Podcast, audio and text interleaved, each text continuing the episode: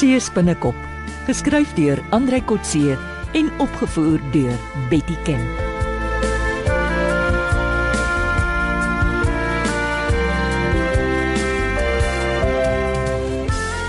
Johan, het ek jou reg gehoor? Wil jy ons vrouens as lokvinke gebruik? Ja, maar dit is nie so erg as wat jy dink nie. Maar jy het gesê ons moet begin uithaal en wys. Wat presies bedoel jy daarmee? Wel, Ek wil hê jy of Ina moet vir Bobby gaan kuier. Om wat te doen? Bobby het gisterand weer vir my gesê sy vrieskaste is leeg, asof hy my met opset onder die verkeerde indruk wil bring. En wat moet ons doen? In sy vrieskaste gaan kyk. Dink oom daar's perlemoen in. Mens weet nooit. Wie ook al gaan, moet probeer inkom en sommer kyk hoe maklik dit is om later toegang te kry tot sy stoor. Hoekom doen jy dit nie self nie? Nee, hy sal my nie in sy stoor toelaat nie. Ek is te oud en lelik. Dis die tipe werk wat ons vir avontuurlike dames soos jy of Ina gee. Oh. Dis die eerste keer dat ek hoor 'n mens moet gaan been wys om in 'n vrieskas te kyk. Nee nee nee nee, nee niemand hoef been te wys nie. Uithaal en wys beteken nie been wys nie. Nou, ek sal gaan. Dit klink na sport. Hmm, ek dink dis ons beste opsie. Ina en Bobby ken mekaar nie. So jy sê vroue kry soms met lus en verleiding reg wat mans sukkel om met geweld te vermag. Presies. Ina, sien jy kans? Ja, ek sien nog wel uit daarna. Ek dink ek gaan hom besoek en raad vra oor waar ek 'n kleuterskool kan huur. Ja, dit klink goed. Solank jy op 'n stadium in sy vrieskaste loer. Mm -hmm. En kyk na dinge so slotte en diefwering. Goed. En sê nou die vrieskaste is gesluit? Ek twyfel maar vir 'n mooi jong dame sal Bobby altyd oopsluit.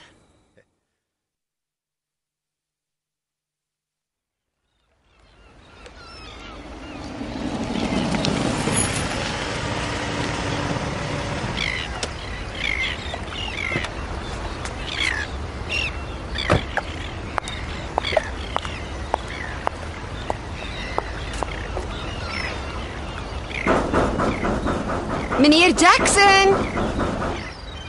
Meneer Bobby Jackson? Is iemand hier?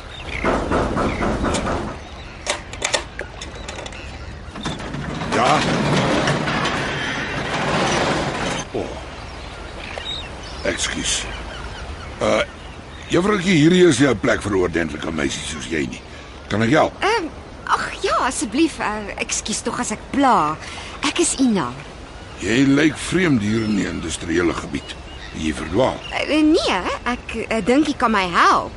Ehm, um, ek is 'n onderwyseres Aha. en ek ondersoek die moontlikhede. Uh, ag, kan ek dalk inkom? Dis bietjie winderig hier buite. Ek wil net verduidelik. O. Oh, seker. Is maar net my hanger, maar uh jy moet maar verskoon hoe dit lyk. Toe maar ek verstaan.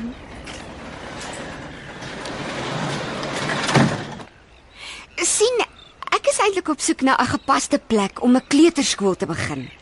Ek was 'n onderwyseres, 'n kindertuin.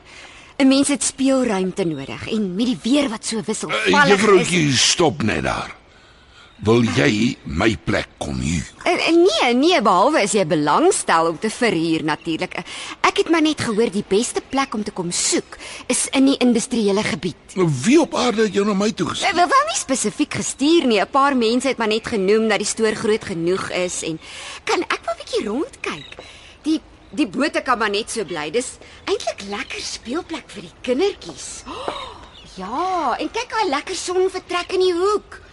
Wat van wasgeriewe, toilette, eh, die regulasies is nogal streng as dit by sulke goed kom en nou, wag, wag, wag nou. Daar is seker 'n misverstand. My plek is nie te huur. Maar dis okay, meneer, ek verstaan. Maar jou plek gee my die wonderlikste idees. Ag, kyk hierdie oulike kombuisie. Plek vir mikrogolfvrieskaste. Dis baie soos die plek wat ek in gedagte het. Kan ons nie dalk saamwerk nie? Jy kan dalk onder verhuur. As Nee, ons juffrou, nee, dit is buite die kwessie. Ek kan jou telefoon oppas as jy nie hier is nie. Wag, wag, wag wag. Onthou my crew loop hier in en uit. Mm -hmm. Hulle trek hulle wetsuits hier aan. Die speerguns en tackle sal die kleintjies seermaak. Ek sien. Ja, die oilskins en overalls is vuil. Uh, dis nie gesond vir kinders nie. Ons is nie jou soort nie. Nou goed, ek verstaan. Ek, ek kyk net wat ek by 'n ander plek net so kan inrig. Haai, dink jy sulke vrieskaste is regtig nodig vir 'n kleuterskool?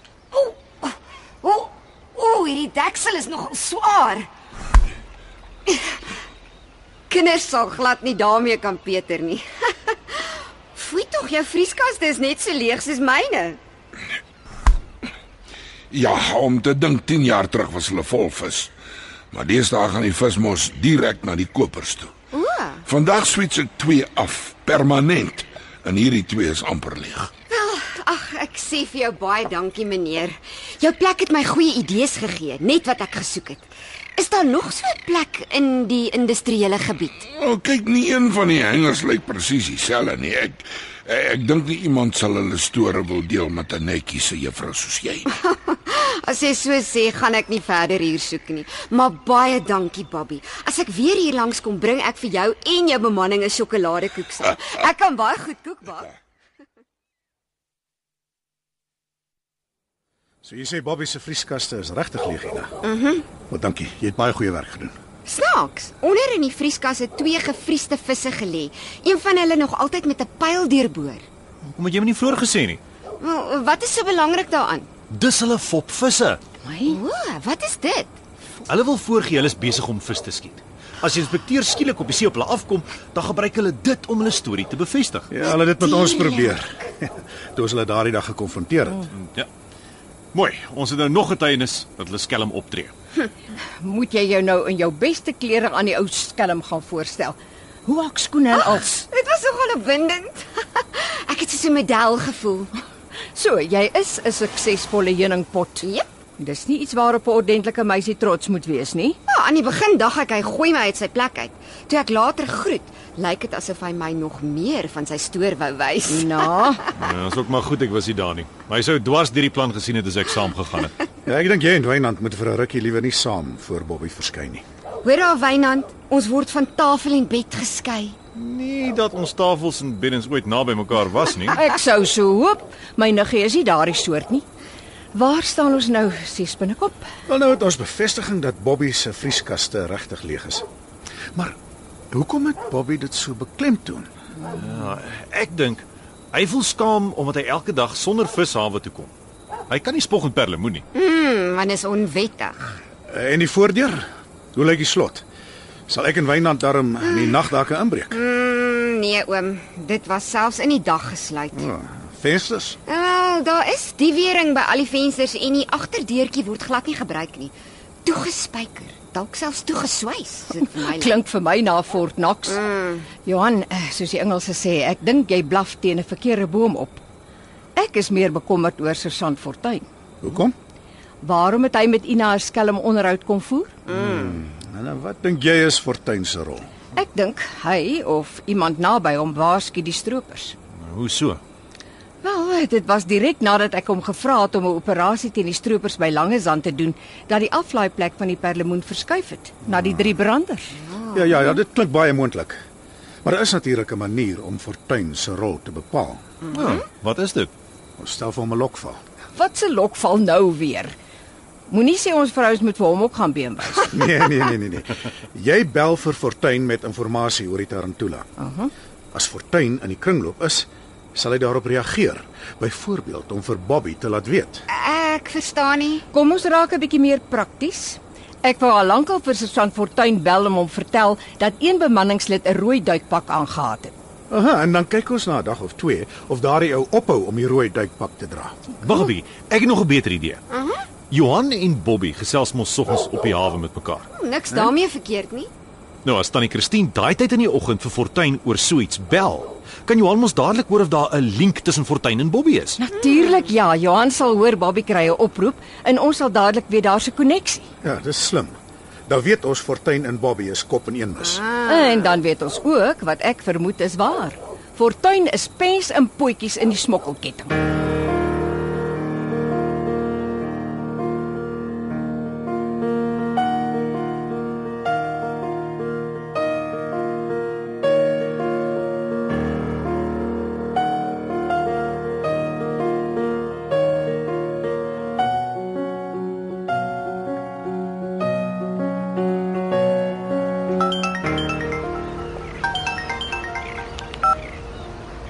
Hallo Johan, is Bobby daar? Ja, ja, Christine, jy kan maar vir Fortuin bel. Ek en Bobby gaan nou met ons geselsie begin. Goed.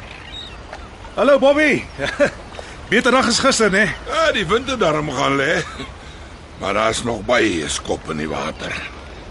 Wat praat jy so vroeg op 'n selfoon? Dag man, ek het vergeet, dis die dag dat my bediende kom. Net gou reëlings oor die sedel gemaak. Ek trek mos einde van die maand. My plek lyk soos 'n stoorkamer. Ja, van stoorkamer gepraat ou bas. Kan jy glo? Gister kom 'n juffrouutjie wat 'n skool wil begin daar by my stoor aan. Ja, sy wil my visstoor verander in 'n kres. Dis so waar. Ja, sy was tot gewillig om die stoor met my te deel en my ontvangsdame te word. Jy moes maar die kans gevat het. Was sy mooi? Praat jy opgedres in 'n kort rokkie en stilettos. Daar's nou vir jou klas.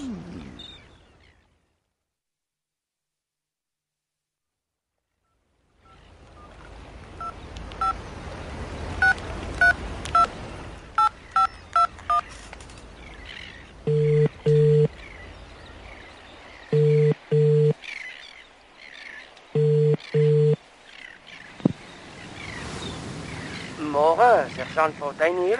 Môre sergeant, Christine Roo hier. Jammer ek skakel so vroeg. Alles reg, mevrou. Ek is al op kantoor.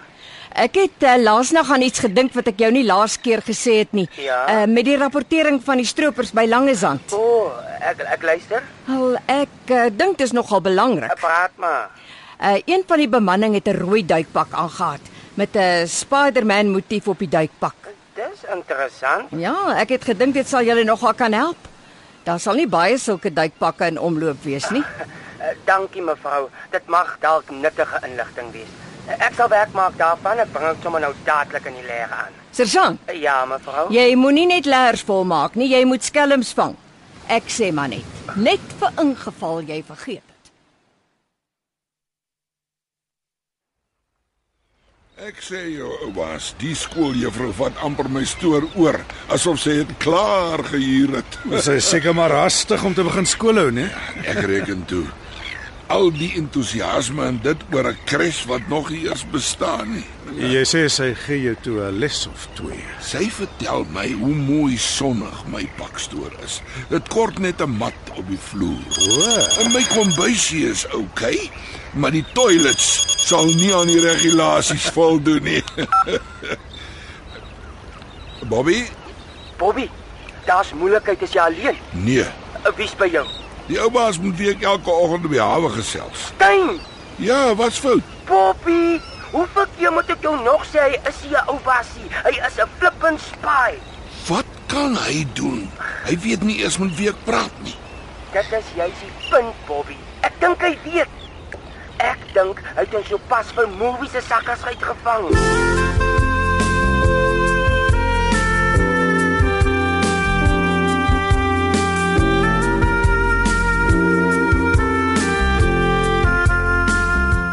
Dit was Seespinnekop deur Andrei Kotse.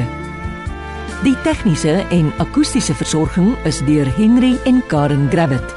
Die regisseur is Betty Kemp.